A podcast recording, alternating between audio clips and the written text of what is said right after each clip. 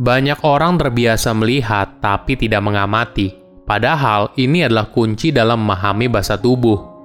Halo semuanya, nama saya Michael. Selamat datang di channel saya, Sikutu Buku.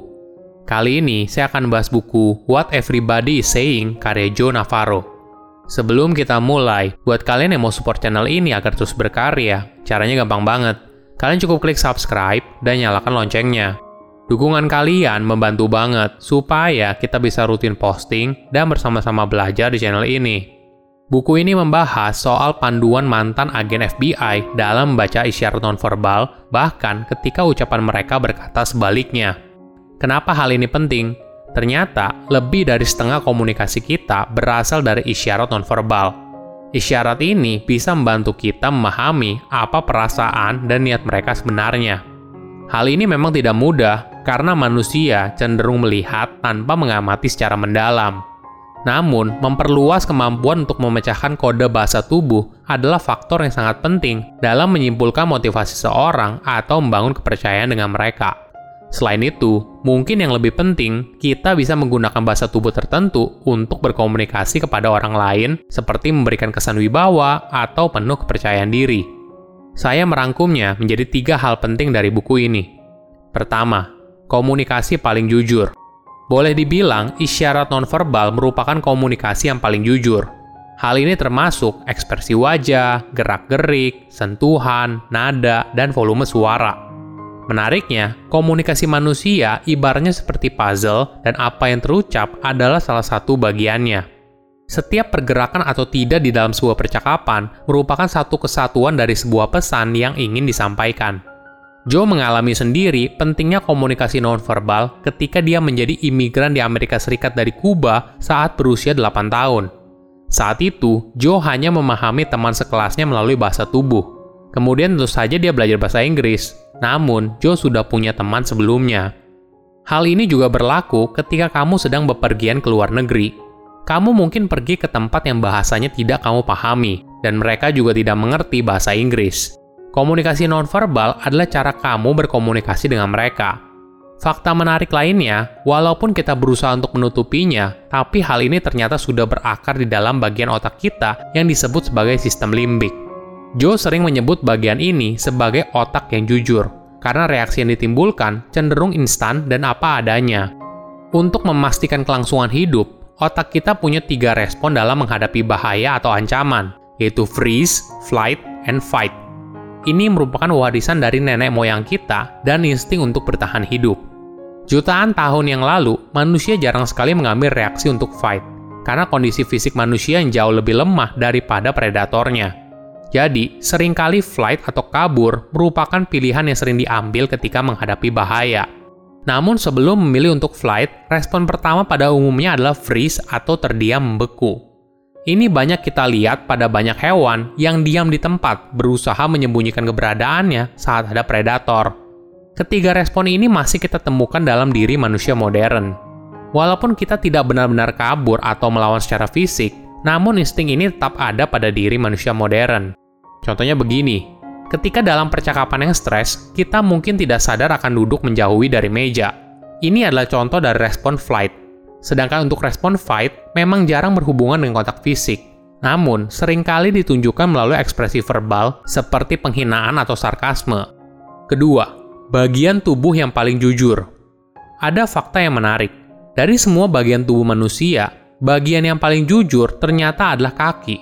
Misalnya, ketika kaki lawan bicara kita berpaling dari kita, maka hal ini bisa menunjukkan beberapa hal mulai dari kalau mereka ingin segera pergi atau mereka merasa tidak percaya diri. Walaupun kita tidak selalu melihat kaki seseorang, namun pergerakan kakinya bisa terlihat di tubuhnya. Alasan kaki yang merupakan bagian yang paling jujur karena ini merupakan bagian tubuh pertama yang bersentuhan langsung dengan tiga respon otak pertama saat menghadapi bahaya. Selain itu, kita mungkin sering kali diingatkan oleh orang tua kita yang bilang, mukanya jangan cemberut, ketika kita tidak suka pada suatu hal. Ini merupakan salah satu bentuk dorongan untuk menyembunyikan apa yang kita pikirkan. Jadi, sejak kecil kita sudah terlatih untuk menjaga ekspresi wajah. Ada bagian tubuh lain yang cukup sensitif ketika berhadapan dengan stres atau ketidaknyamanan, yaitu tangan. Ternyata ada alasan di baliknya. kita punya kecenderungan untuk fokus pada tangan orang lain. Karena pada zaman dulu, ketika kita melihat orang lain memegang sesuatu, kita harus yakin dulu apakah benda tersebut berbahaya bagi kita atau tidak. Salah satu contohnya yaitu bagian jempol.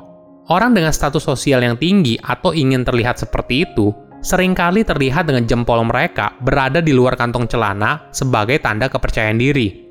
Sebaliknya, ketika jempol berada seluruhnya di dalam kantong, menandakan status sosial dan kepercayaan diri yang rendah.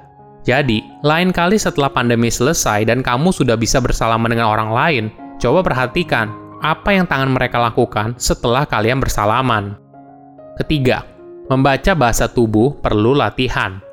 Memahami komunikasi nonverbal memang tidak mudah dan perlu latihan observasi terus-menerus. Walaupun kita sudah tahu pola perilaku nonverbal, hal ini bukan berarti kita langsung jadi ahli dan bisa membaca dengan akurat.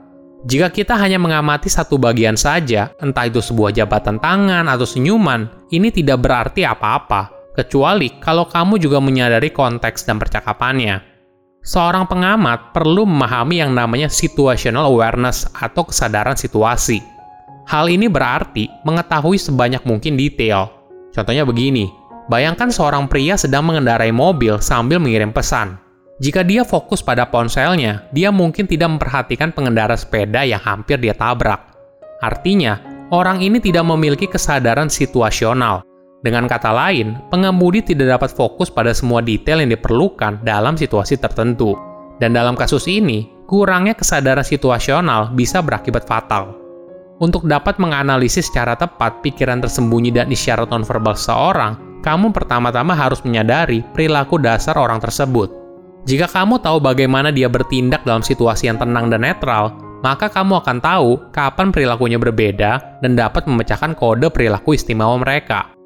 Dalam mengamati komunikasi nonverbal seorang, kamu juga harus memperhatikan apakah komunikasi verbalnya sesuai dengan nonverbalnya atau tidak.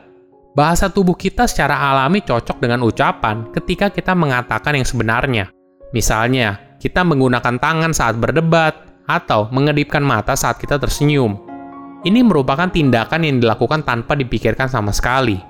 Namun ketika kita berbohong, kata-kata tidak sesuai dengan gerakan tubuh kita. Misalnya, orang yang berbohong selama interogasi akan selalu membutuhkan waktu ekstra untuk mengarang cerita fiksinya, sehingga akan ada sedikit penundaan dalam beberapa gerakannya.